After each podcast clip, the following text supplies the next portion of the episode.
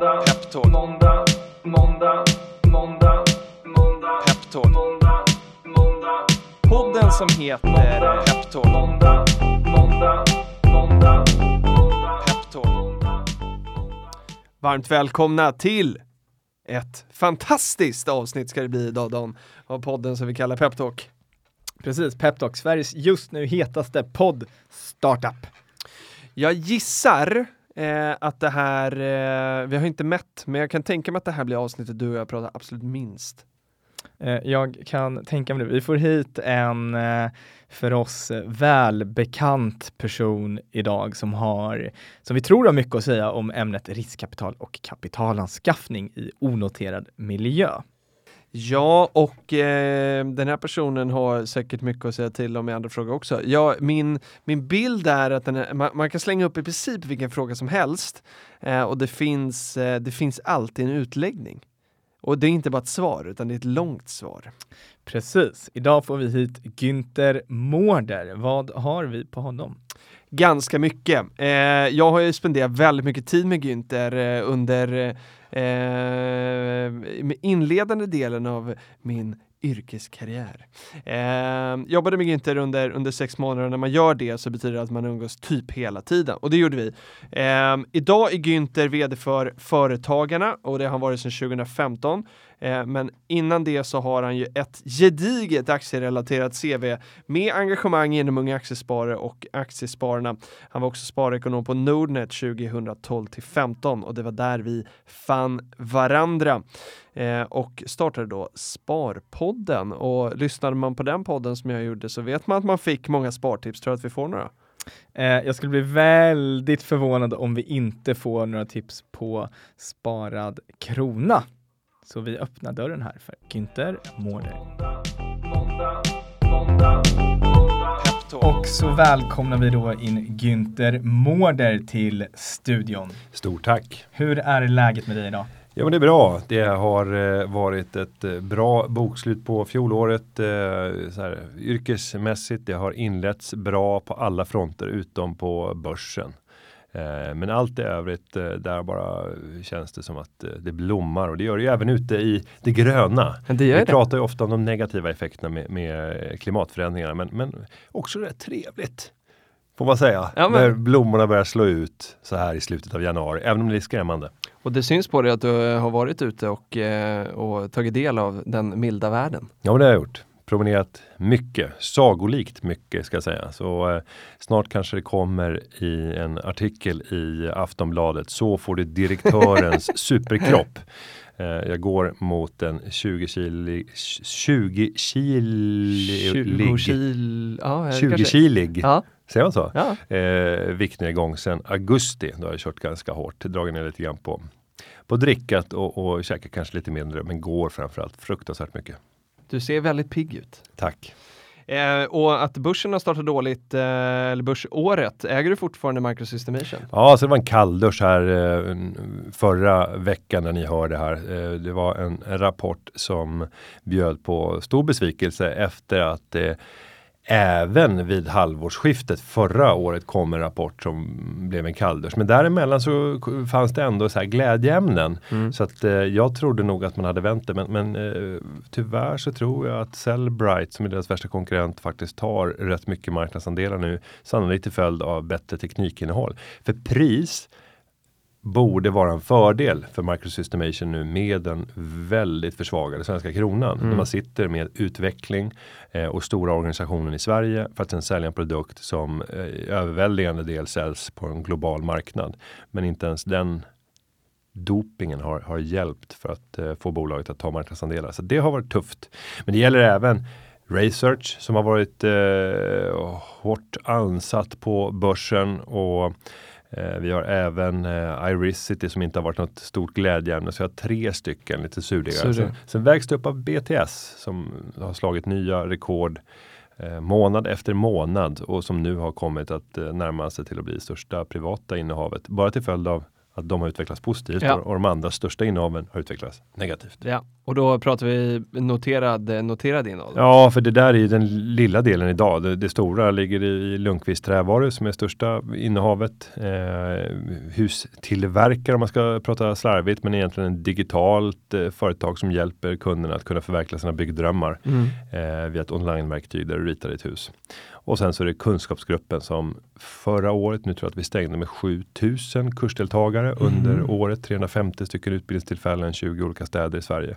Och är väl nu nu snuddar vi på topp fem i eh, storlek av, av aktörer inom personalutbildning och vi ska bli störst. Och när vi är störst så ska vi bli brutalt mycket större genom att eh, börja förvärva bolag förhoppningsvis och kunna börja jobba med eh, segment inom personalutbildning så att du kan ha arbetsrättsutbildningar i en del av verksamheten. Du kan ha eh, bygg och hantverksutbildning i ena delen. Du kan ha vård, omsorg så att du har ett ben för varje sektor och även kunna jobba med andra entreprenörer inom sektorn som vill komma in i ett bolag som är större, mer snabbväxande och har större planer. Och du är ju en börsprofil och numera är du också ägare i då några onoterade bolag. Vad tycker du är absolut roligast med din ägarroll?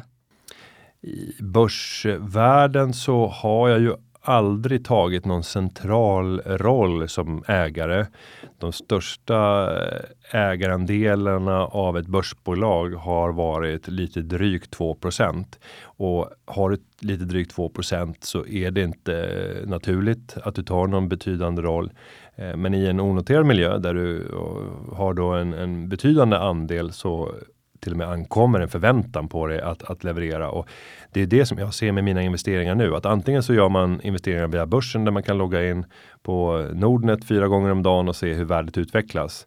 Eh, eller så har jag onoterade innehav där jag också kan logga in oftast via smarta gränssnitt och se utvecklingen i verksamheten.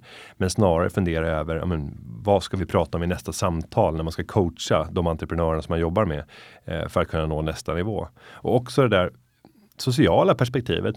Att tänka att de bolag som jag investerar i i en onoterad miljö, det ska vara tillsammans med entreprenörer som jag vill hänga med privat. Det här ska vara människor som jag vill leva mitt liv med. Och då ska man ju tänka i ett perspektiv med sådana investeringar, gärna 15-20 år, för det kan vara väldigt svårt att realisera de värden som skapas, även om de på pappret fin finns. Om du gör en diskonterad kassaflödesmodell och säger att ja, det här innehavet är värt så här mycket. Jo, men det, det går inte att sälja om det inte är i någon typ av marknadsnotering.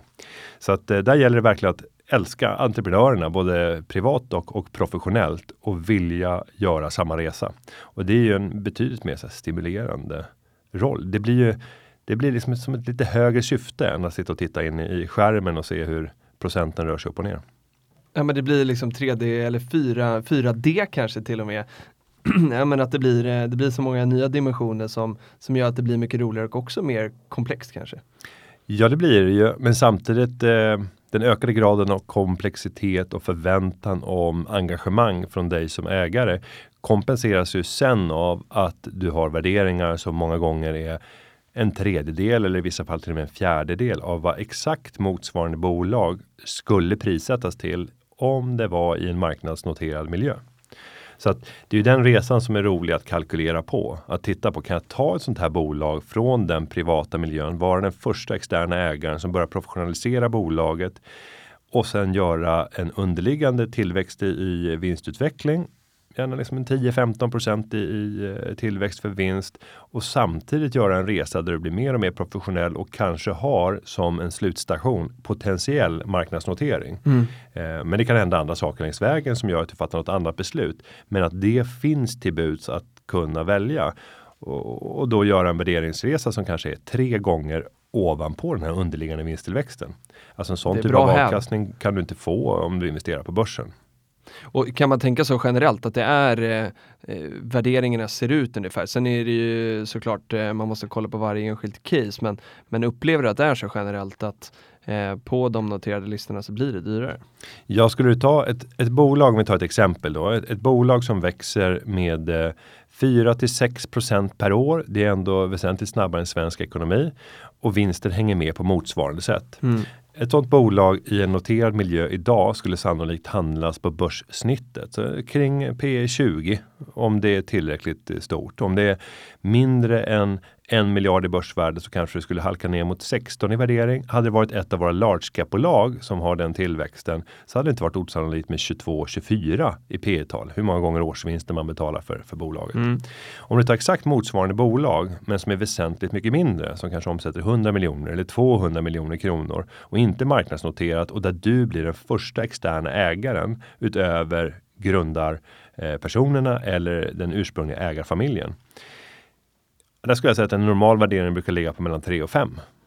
Och det är klart att den resan, om du kan göra det här till ett eh, till ett börsbolag över tid blir väldigt attraktiv. Sen är det ju också så att det finns ju många mellansteg om man ska göra trappan hela vägen dit. Och det första steget efter att jag har kommit in som första investerare, det är ju att ta in en handfull ytterligare investerare som hakar på för att sen i nästa skede kanske vidga kretsen och även gå ut till personer där man inte ens är intresserad av deras kompetenser utan bara kapital för att de vill vara med i, en, i ett förstadie inför en större spridning mm. som kanske är nästa steg. Då man sprider på upp till 200 delägare innan man går till marknaden och gör den fullständiga spridningen. Så att du kan egentligen bara dra ett ungefärligt streck från så här, 3 till 5 i värdering upp till låt oss säga en 16 till 22 för, för samma bolag. Och sen så eh, kan man se att med varje sån här aktivitet när du breddar ägarbasen teoretiskt sett så ska värderingen vara högre. För det innebär också att du ökar likviditeten för de, de aktieägare som Exakt. finns i bolaget. För har du många som eh, ägare som både står beredda att minska och öka sitt innehav, då skapar det en möjlighet för informell, eller in, ja, det är informell handel, mm. men den är oorganiserad. Det finns ingen teknik bakom den, utan då är det telefonen eller liksom ja. mejla. Vill du köpa mer? Vill du sälja?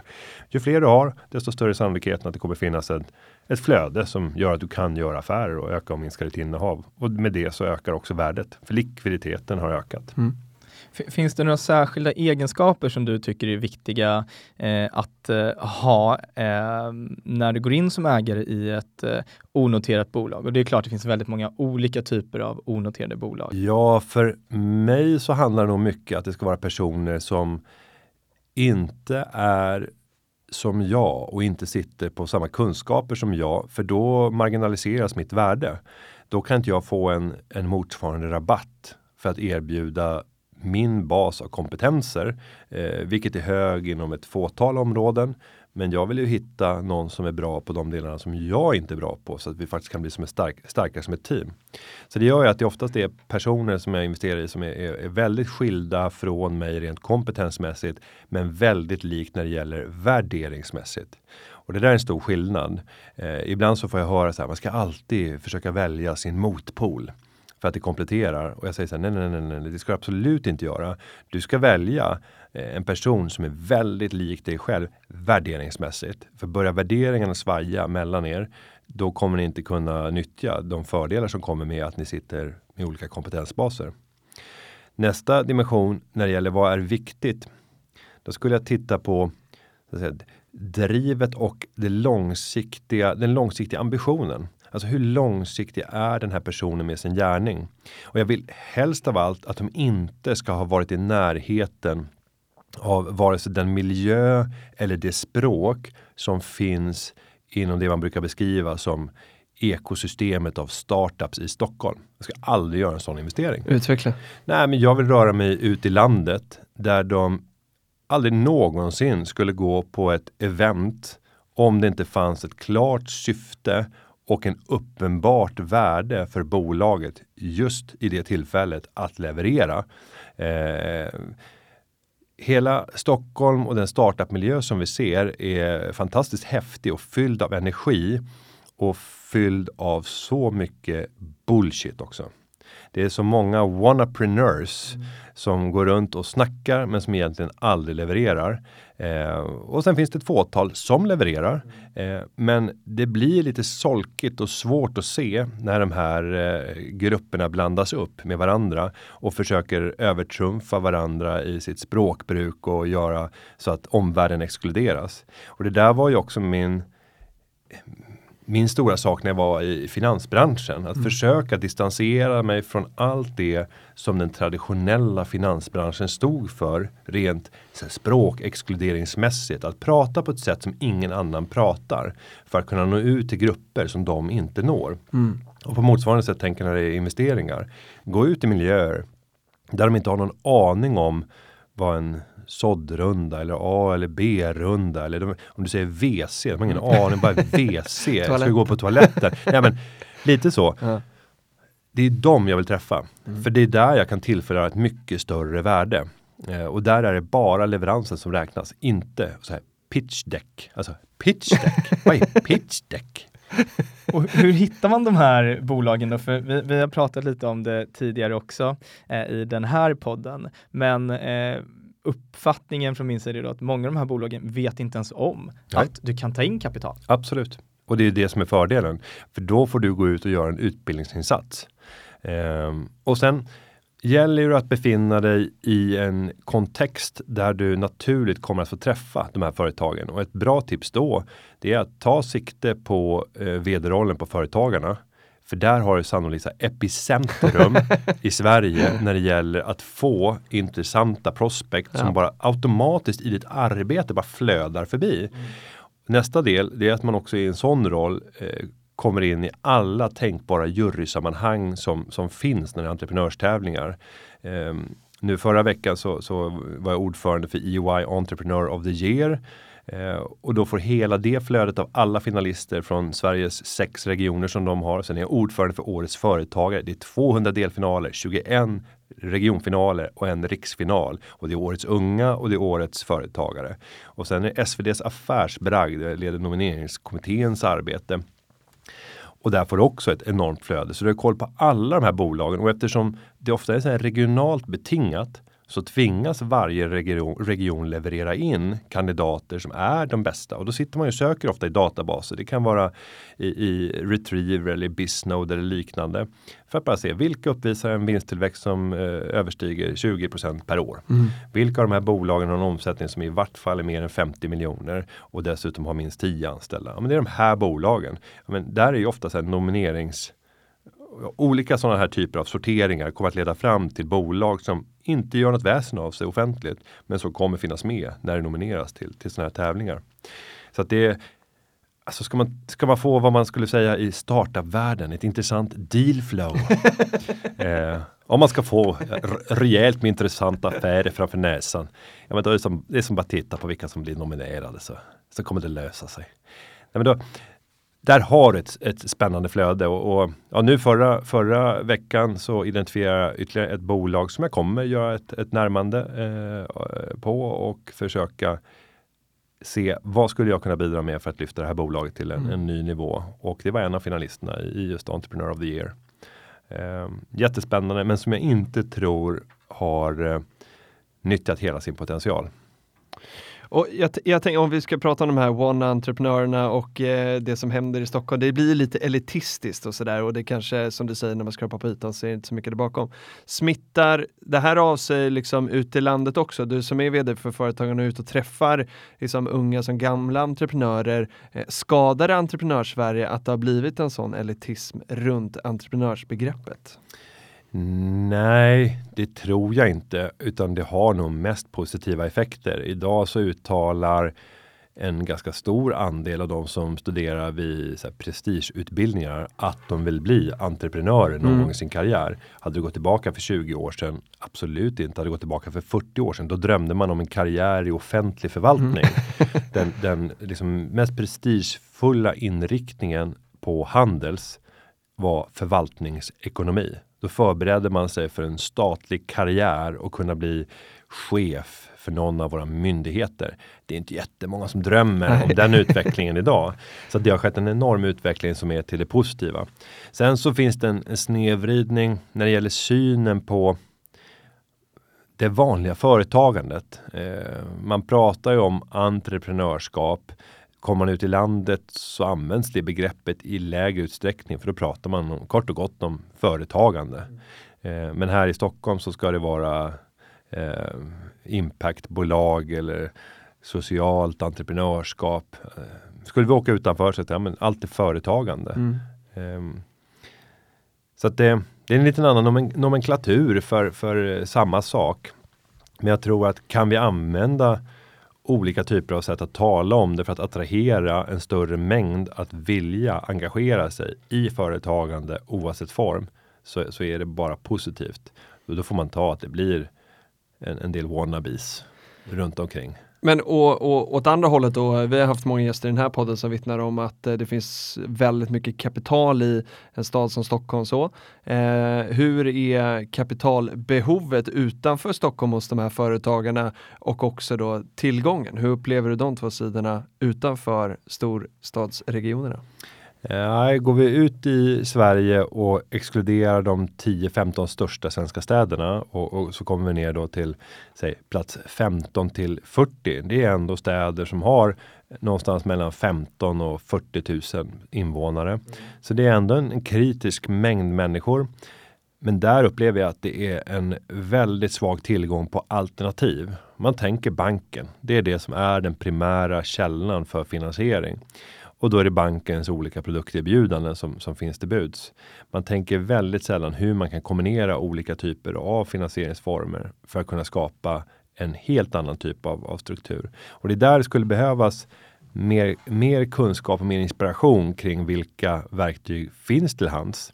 Sen så en sak som saknas lite grann, det är ju det är bara ett fåtal orter som kan visa upp de här starka entreprenörssjälarna som har gjort ett antal resor, tjänat bra med pengar och som sen är kvar och likt det vi ser i Stockholm in, inom tekniksfären fortsätter att investera i nya mm. startade teknikbolag. På motsvarande sätt så vill man se ute i de här orterna att de kommer tillbaka och gör investeringar i tidigt företagande för att på så sätt föda en ny generation. Sen så handlar det lika mycket när vi kommer ut i landet om att inte starta nytt utan att bevara och utveckla det som finns. Om jag tar Lundqvist Trävaru som, som exempel där jag blev första externa icke-operativa delägaren. Eh, det är ett bolag från 1936 som har genomgått två generationsskiften redan, så det är inne på tredje generationen. Eh, och, och, där kan man ju också tänka hur, hur kan vi på smarta sätt långsiktigt förbereda genom att få in en eller två stycken externa ägare som kommer att kunna sörja för att bolagets överlevnadsförmåga på sikt kommer stiga. För det finns någon annan som är intresserad av att säkerställa långsiktigheten. Mm. Och finns det då inga barn som vill eller är lämpliga att ta över så kommer den här kraften att verka och säkerställa att det kommer in en extern vd eller att man hittar nya typer av ägare till bolaget. Så att Sverige skulle må väldigt bra av att ha fler entreprenörer som kommer tillbaka där man har sitt hjärta eh, och, och investerar med både hjärta och hjärna och bidrar med sina kunskaper. Det är viktigt. Ja, och om vi tänker då, eh, vilka är de bästa tipsen till företagarna där ute som när det ringer en Günther Mårder och approcherar och säger hej, jag vill bli delägare. Eh, om du skulle ställa dig som, som vd för företagarna på, på företagarens sida i det här fallet, vad bör man tänka på när det kommer eh, någon och vill investera i ditt bolag? Det första är att kunna uppvisa att det finns ordning och reda i bolaget, att det finns dokumentation som säkerställer att de affärsförhållanden som eh, uppenbart råder också finns formulerade och nedtecknade. För att det man vill göra, det är ju att göra ett bolag så lite beroende som möjligt av den ursprungliga företagaren.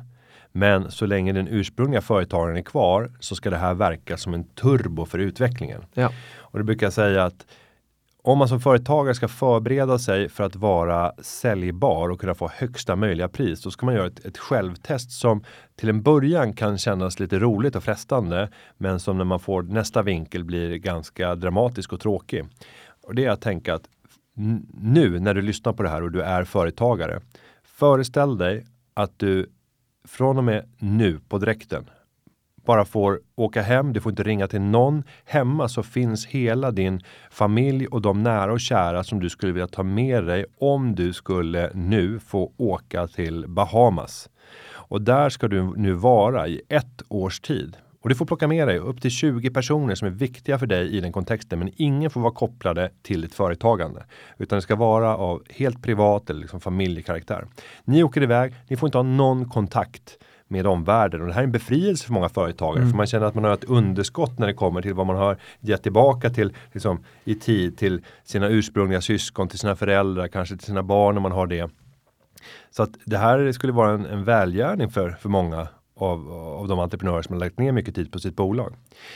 Men nu kommer vi till det spännande. När du kommer tillbaka efter 12 månader på Bahamas och du kommer tillbaka in på kontoret. Vad är det som har hänt? Om du öppnar resultaträkningen. Vad eh, ser du omsättningsvis? Vad har hänt med lönsamheten? När du går in och tittar i CRM-system. Eh, har antalet kunder vuxit? Vilka typer av kunder har vuxit? Ja, som ni förstår, i de flesta fallen så skulle det här bolaget närmast ha havererat. Det är det normala, för man har byggt hela bolaget kring sig själv. Ja. Och då börjar resan. Om du har identifierat att det här eh, förhåller sig på det här viset, då ska du sannolikt inleda en process där du successivt börjar planera för att det här kan inträffa. Men att Bahamasresan inte är Bahamasresan, utan att det kan vara, vilket har hänt för ett, eh, ett peppinsbolag, att du går i en park mm. och det faller ner ett träd mm. som olyckligt träffar dig och som gör att du ligger, hur många månader var det? Ja, jag tror det var ett halvår han var borta ett, typ. Ett, ett ja. halvår så är borta i koma delvis mm. under den här perioden. Alltså du kan, all, du, kan, du kan inte föreställa att det kan hända, men det kan mycket väl hända. Mm. Den som hade gjort Bahamasövningen kommer naturligtvis att, att vara mycket mer väl förberedd.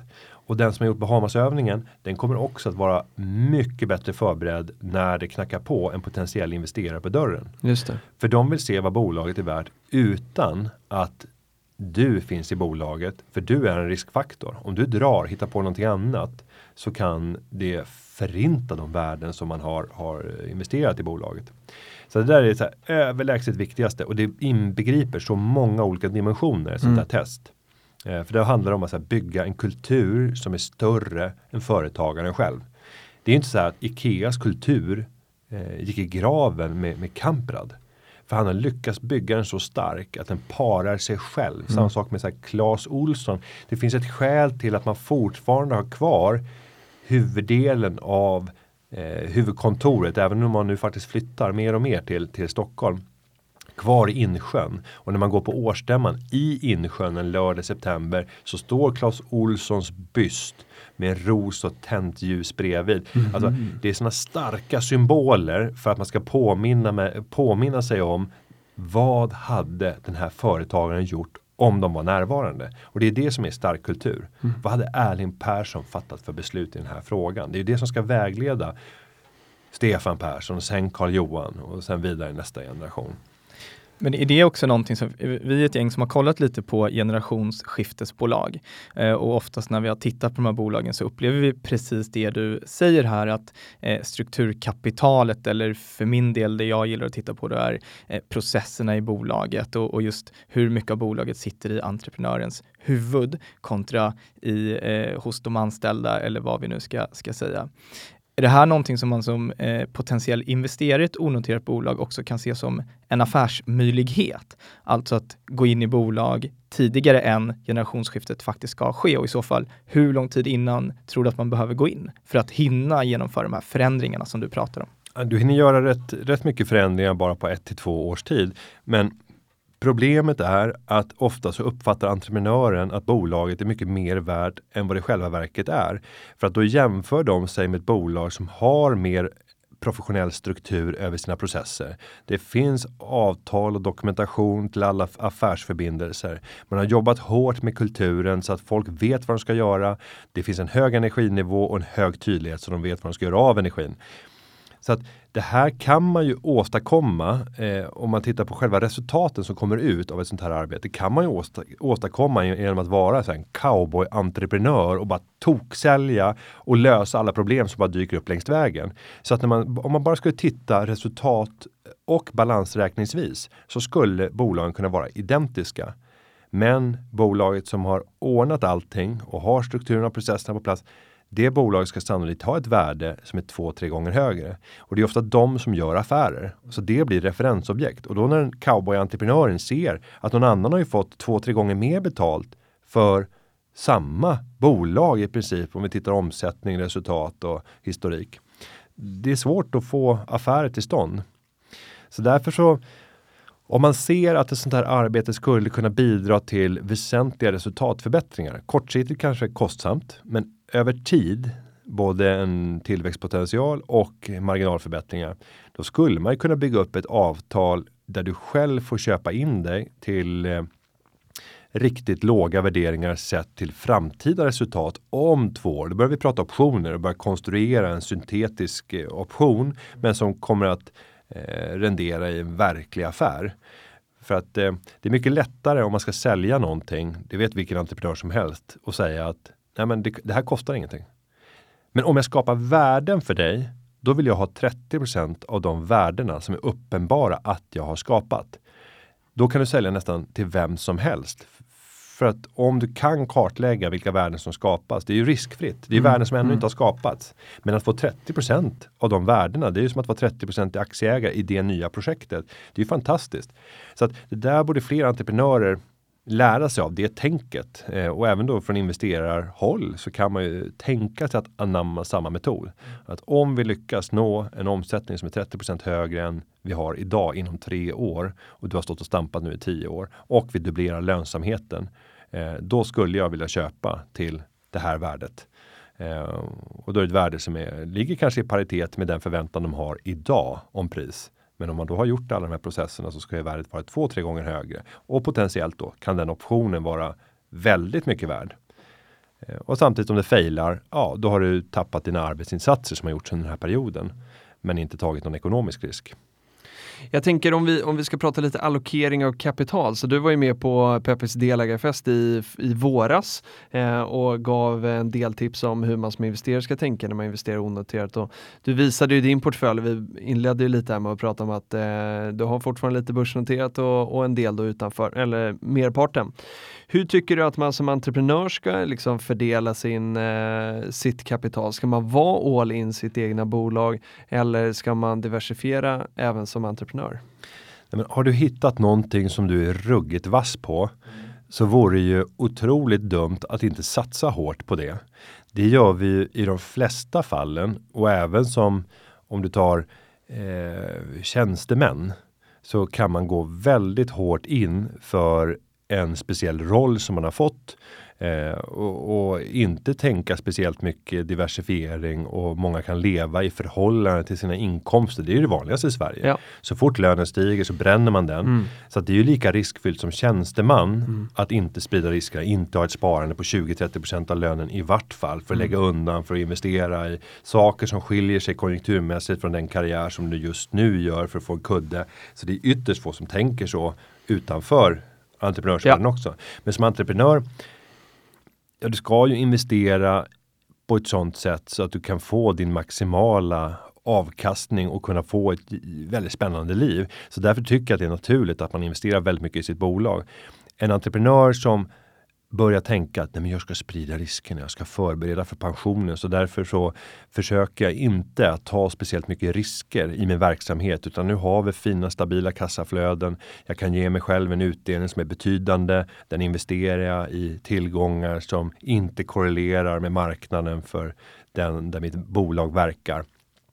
En sak kan jag vara säker på, det är att det här bolaget kommer aldrig flyga från de nivåer där det befinner sig idag. För att all avkastning är förknippad med ett risktagande. Du mm. måste ta risk för att få avkastning. Och Sverige behöver ju, om jag ska prata i ett ännu större perspektiv, Sverige behöver entreprenörer som vågar ta risk, som vågar satsa. Entreprenörerna själva behöver inte alltid. De kan klara sig gott och väl. De kan ta lite lösryckta uppdrag, jobba lite som konsult eller ta en anställning. Mm. De behöver inte offra sin ekonomi, sin tid. Det är inte nödvändigt.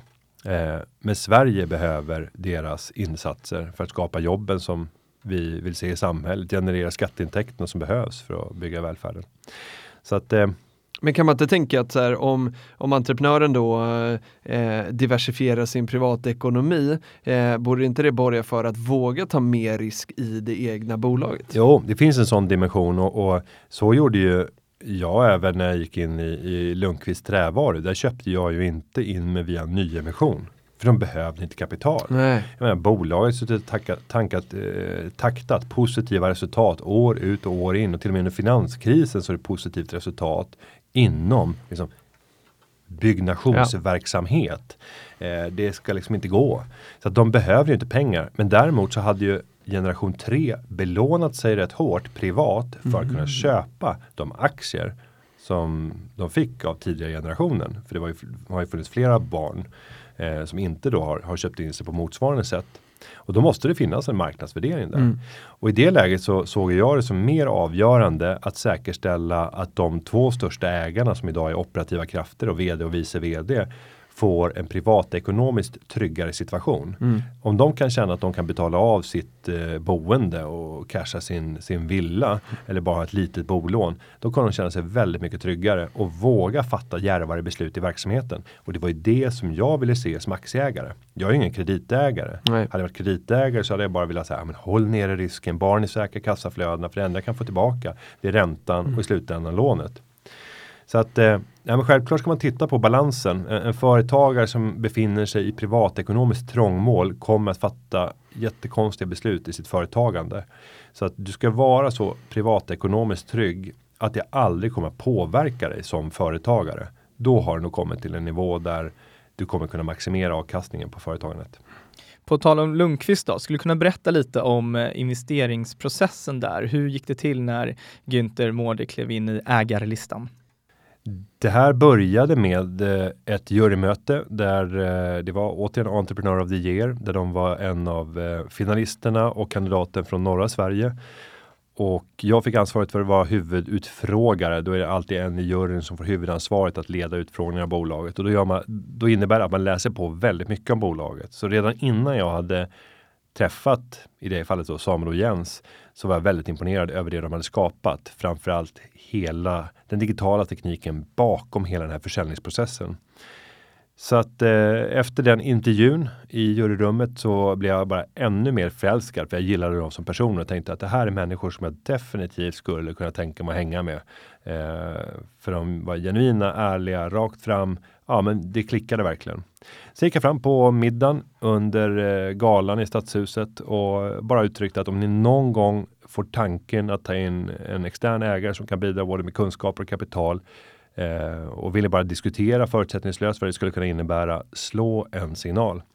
Eh, och det tog bara någon dag så ringde de och det tog en vecka så var jag uppe i lokalerna och började titta i fabriken och, och fick lära känna dem och fick eh, djupare presentationer. Och sen hade vi återkommande möten i Stockholm när de kom ner och där vi fördjupade och tittade på på eh, planerna framåt och vad de såg som möjligt och omöjligt. Och bland annat så stod de inför en nödvändig fabriksinvestering som var väldigt omfattande. Och då pratar vi om en investering på ungefär 90 miljoner och att bygga en fabrik eh, och lägga 90 miljoner på det. Det är väldigt mycket om du samtidigt vet att varje krona du investerar så kommer du få tillbaka kanske 50 öre om vi skulle gå ut och sälja den här på den öppna marknaden. För de blir ju så verksamhetsanknutna, eller anknuten, hela den mappningen som du gör av fabriken. Så egentligen så är det egentligen bara ett skal du kan sälja sen för någon annan som vill bedriva lag eller ha en logistikcentral eller bygga upp någon annan fabrikslösning. Men det är väldigt dyra omkostnader och, och faktiskt anpassa det. Och det blir ju järvt och att finansiera det med egna kassaflöden är ju närmast omöjligt i, i det skedet för, för vår del. Så det var en sån där viktig del. Men själva processen, den tog sen ungefär ett halvår tills vi signade och var färdiga. Jag pratade aldrig några absoluta belopp med dem. Alltså vad innebär mitt intåg? Utan vi pratade hur stor del av, av andel av aktierna och där pendlade det mellan 5 och 10 procent och vi landade 10. Eh, och sen så pratade vi om vilken värdering ska vi sätta på bolaget. Och sen så tittar vi vilka år är vi som vi ska titta på när vi ska applicera den här värderingen. Så att man inte tar ett enskilt år och alla de tillfälligheter som kan finnas och också de möjligheter som man har som vd att faktiskt styra resultatet. Ehm, du har en otrolig makt att kortsiktigt styra resultatet. ju högre upp i resultaträkningen du kommer desto svårare. Men långt ner om du tar på nettoresultat. Du kan göra fantastiskt mycket.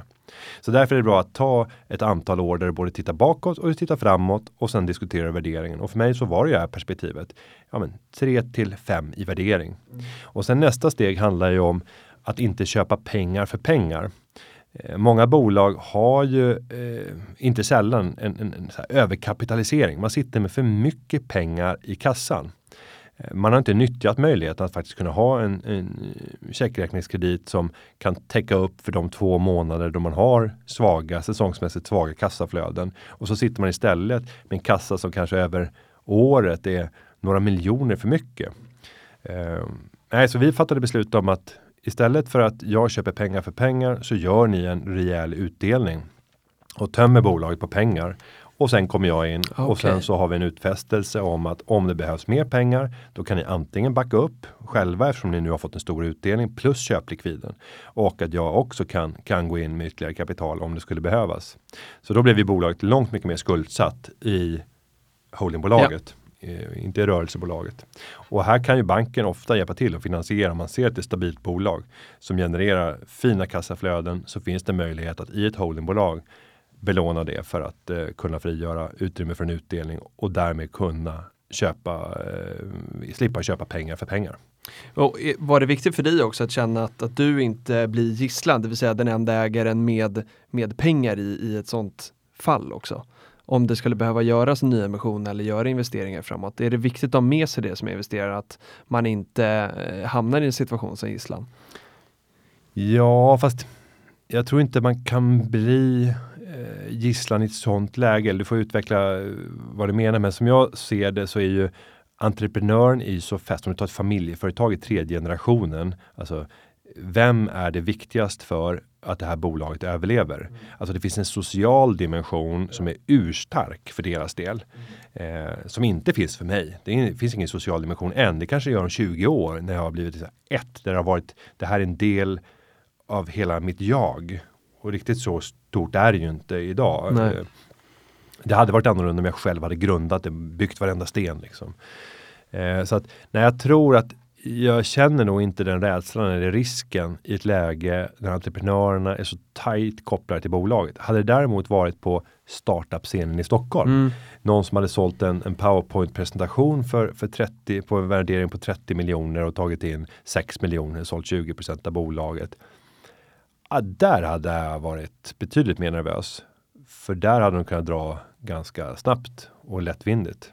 Ja, och, och, eh, och, du tolkar frågan rätt, för det, det jag menar med gisslan är att eh, ibland kan det bli ägarbilder om ett bolag inte utvecklas så som man vill, där man ham- står inför ett läge där man måste ta in och så kanske det bara är någon eller ett par ägare som faktiskt eh, har nya pengar att liksom, eh, trycka in och då kan det bli ganska tråkigt att vara den som eh, trycker på knappen att vi fortsätter eller vi dödar det här. Mm. Ja, men min, min dröm det är att de ursprungliga entreprenörerna skulle sitta kvar på strax över 50% Men att de kvarvarande 40 som finns då, utöver mina 10 i sånt läge skulle fördelas på låt oss säga åtta personer som alla äger 5% var och där alla är finansiellt starka och egentligen vill köpa fem gånger mer aktier. Mm. Det är min dröm. Ja. För att då skulle jag skapa en enorm flexibilitet när det gällde möjligheten att reglera mitt innehav och plötsligt så skulle värdet på de aktierna bli mycket högre än vad det är i dagsläget. Och om man som entreprenör då skulle få chansen att pitcha på dig för att eh, få en investering eh, från Günther, eh, vilka tre svar eh, skulle du vilja få reda på då i den pitch som jag håller mot dig? Vad är viktigt för dig när du tittar på case? Det första är människan. Eh, vad är dina drivkrafter? Vad är det du vill se dig själv om tio år? Du kan inte presentera en bolagsidé och någonting du vill göra som inte lirar med det som din person berättar om drivkrafter och vilja framåt. Så att eh, människan är helt avgörande till att börja med och att jag ser och det vet man ju aldrig på, på förhand, men det där långsiktiga intresset av att vilja driva det här. Att det är en sån inneboende stark lust och längtan så att du aldrig kommer svika för någon kortsiktig frestelse. Så jag kommer leta efter efter fragment som jag kan hitta som bevisar din lojalitet i förhållande till saker du har hållit på med. Och då kan det vara så här, har du hållit på med ridning eller hockey? Så bara, hur lång tid höll du ut? Var du den som slutade när du var 12, 13? Eller var du faktiskt den som fortsatte tills du var 19 och, och flyttade till en annan ort för att börja plugga och då blev det svårt att kombinera. Eh, det där säger rätt mycket. Alltså är det en person som håller ut, ja men då blir jag mer intresserad. Sen så vill jag gärna att bolaget ska vara av den lite mer tråkiga karaktären. Eh, att det inte är så mycket snack, inte så mycket högtflygande visioner. Du får tänka stort, men håll inte på att blåsa upp i ett sådant samtal. Utan det är bättre att du frestar och låter mig tänka tanken om hur mycket större det här kan bli. För då kommer det tända till mig att se att ja, men här kan jag tillföra någonting. Mm. Jag kan göra dig större och då kommer du kunna få mig på kroken att vilja vara med i en värdeskapande process. Sen kanske du ändå sitter med det här. Men det är egentligen bara för att lura in mig. Sen så eh, handlar det om en, ett, en klar bild över hur ska värden som skapas i det här bolaget distribueras tillbaka till dig som ägare. Eh, är det meningen att vi ska bygga det här bolaget för att sälja det? Ja, men då är det en helt egen strategi vi ska ha. För då ska vi veta redan innan. Vem är vår primärtagare av det här bolaget? Vem är sekundärtagare? Och har målat upp tre, fyra potentiella köpare. Gå in och göra en analys av de bolagen och säga hur mycket av de här bolagen kan vi kopiera när det gäller deras processer? Deras sätt att formulera sig, deras avtal. Alltså göra det så lätt som möjligt för dem att bara titta på det här bolaget och säga ja, vi köper idag och när man har förvärvat det så är det så här. Det mesta i det här bolaget är precis som det är i det här större bolaget. Eh, och då kommer det innebära en högre premie vid, vid försäljning. Så antingen är det en exit eller så är det genom löpande utdelningar. Mm. Eh, att det blir ett, ett värdecase som successivt kan dela ut pengar över tid och att det ska distribueras via utdelning. Eller så är det att köra det mer som ett projektbolag. Att över tid så bestämmer vi någon gång när det är dags att avveckla och då finns det ett stort avvecklingsvärde i bolaget. Det kan vara så att man inte delar ut utan fortsätter investera via bolaget och blir större och större. Tänk så här Lundinsfären. Eh, där är det ju ofta på det sättet. Sen kan det vara så här att de ger inga utdelningar men ja, alltså plötsligt så knoppar de av ett bolag. Och en sån struktur för värdedistribution kan ju också vara jättespännande. Och särskilt om man har tagit sig till en marknadsnoterad värld där man plötsligt kan få en ägarspridning helt gratis mm. och så att ett nytt bolag på börsen synliggör värden. Nej, och sen så att man kanske vill göra en, en resa där jag känner att jag kan bidra, där, där jag inte kommer med pengar. Drömmen är ju när du som entreprenör säger att dina pengar behöver jag egentligen inte. Men jag behöver bara vägledning och coachning, inte operativt arbete. För, för det kommer nog aldrig vara intresserad av att gå in i enskilda fall och vara minoritetsägare och jobba hårt operativt. Utan då ska jag vara en betydande ägare mm. i, om vi tittar i framtiden. Så att eh, en person som är receptiv och snabbt tar till sig råd och rekommendationer och eh, på så sätt kan utvecklas tack vare att man kan få in en person som har ett annat tänkande. Ja, men där har du sagt, tror jag, mm. grundreceptet vad som i alla fall just nu skulle få mig att bli väldigt eh, sugen. Något annat som eh, jag vet ju dig sugen och som eh, många lyssnare är nyfikna på eh, blir sista frågan och det är sparad krona. Du myntade den hashtaggen för många år sedan eh, och jag är nyfiken på vilken är den bästa sparade kronan idag? Den bästa, ja det är alltid svårt. Alltså den, den, den bästa eh, sparade kronan är den kronan som aldrig användes. Eh, och det absolut bästa spartipset skulle jag säga, det är i detta konsumtionssamhälle. Att backa tillbaka inför varje möjligt köpbeslut som man står inför som inte är absolut nödvändigt här och nu. Och så är faktiskt inte de flesta investerings eller investerings utan konsumtionsbeslut. Eh, utan säg så här, nu tar jag en paus. Det ska gå två veckor innan jag får genomföra det här. Så att du lägger in en fördröjningseffekt från beslut till möjlig exekvering. Och då menar jag liksom att få köpa det man har bestämt sig för att köpa.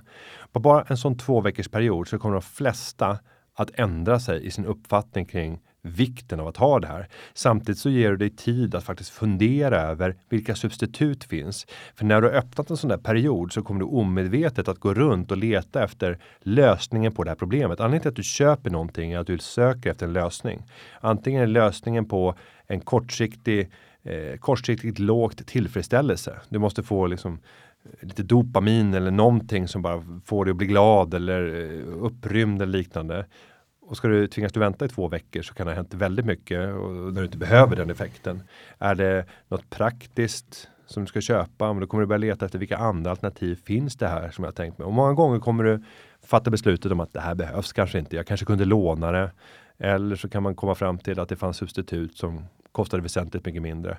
Det där kommer kunna spara enormt mycket pengar. Sen handlar det ju om det här tråkiga, att planera, att ligga i förhand. Ja, men nu så ska man ju börja tänka så här, vinterkläder inför nästa år. Så har du barn. Inte sommarkollektionen. Absolut inte. Men nu har det varit en, en, en fel att säga, stekhet vinter. För det har inte varit fem grader har det varit här i, i Stockholm varje dag och gråmulet.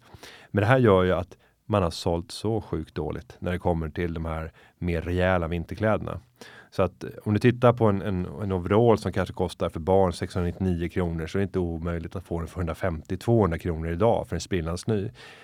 Underhåller du den schysst, schysst så kommer du kunna sälja den för 250-300 kronor. Även efter ett, en säsongs eh, användning. Det är till och med så att du skulle kunna bunkra mer populära modeller för att sen sälja. Eh, sen har jag mina nu köper jag så väldigt lite kläder till, till barnen för jag har upptäckt alla de här, så här upphittat lådorna och när de skriver ut datumet här. Mm. Om ni inte har hämtat det här innan den 24 januari så skickas det vidare till Röda Korset. Eller till Günther, tänker jag då. Så jag brukar alltid gå så här på eh, dagis och så brukar man vara i simhallen, så här, gå och botanisera, titta i tennishallen. Och du hittar ofta förvånansvärt mycket bra användbara grejer. Eh, och så kan man tycka att det är oädligt att stjäla potentiell omsättning för Röda Korset eller liknande. Men då får man väl bidra på, på annat sätt eh, istället. Ge tillbaka till samhället genom att komma med andra smarta tips som gör världen bättre och så vidare. Jag är säker på att du gör det. Stort tack inte för att du kom hit idag. Tack själv. Tack så mycket. Podden som heter Peptalk. Bra, det var Günther det, Filip. Lite besviken på spartipsen. Du blev det? Ja, men jag tycker han tar lite lätt vägen ut och kör, kör lite generellt. Han har ju väldigt rätt i det han säger här, men det hade varit lite Nej, nej för sig. Han kom ju ändå med det här uh, Glömt kvar i lådorna. Ja, sant. Så att jag, jag tar tillbaka det. Han började lite mjukt och sen insåg han nog att uh, vi, vi, måste komma med något mer juicy än så här. Uh, hade du kunnat köra den hittelådan-grejen? Nej, det är ytterst tveksamt om jag hade känt mig be bekväm med det. Eh, men eh, ja, vad är ditt bästa, bästa spartips? Jag tror ju att det är att göra matlådan då, även om jag inte har räknat på det. Så äh, men det är jag helt övertygad om att, eh, att nästan varje dag ha egenlagad mat med mig till jobbet. Det tror jag är där jag sparar mest. Du då? Eh, jag är inte så duktig på det, men jag tror att ett av mina bästa spartips är också matrelaterat eh, och det skulle jag säga är soppa. Ah, okay. Det går att koka soppa på i stort sett allting eh, och det går dessutom att komma undan ganska billigt. Tror vi räknade på det där någon gång eh, för några år sedan eh, att vi kunde koka grönsakssoppa för i alla fall 7 kronor per, per måltid. Eh, och det är ändå ganska bra och min sambo här, hon har myntat ett uttryck som hon är väldigt stolt över, det är soppruari. Soppruari, eh, fasen vad bra. Så vi har en mixer hemma med en soppfunktion så det är bara ah, kasta okay. ner vad du, vill, vad du vill, tryck på soppfunktionen, ät den slät. Häftigt.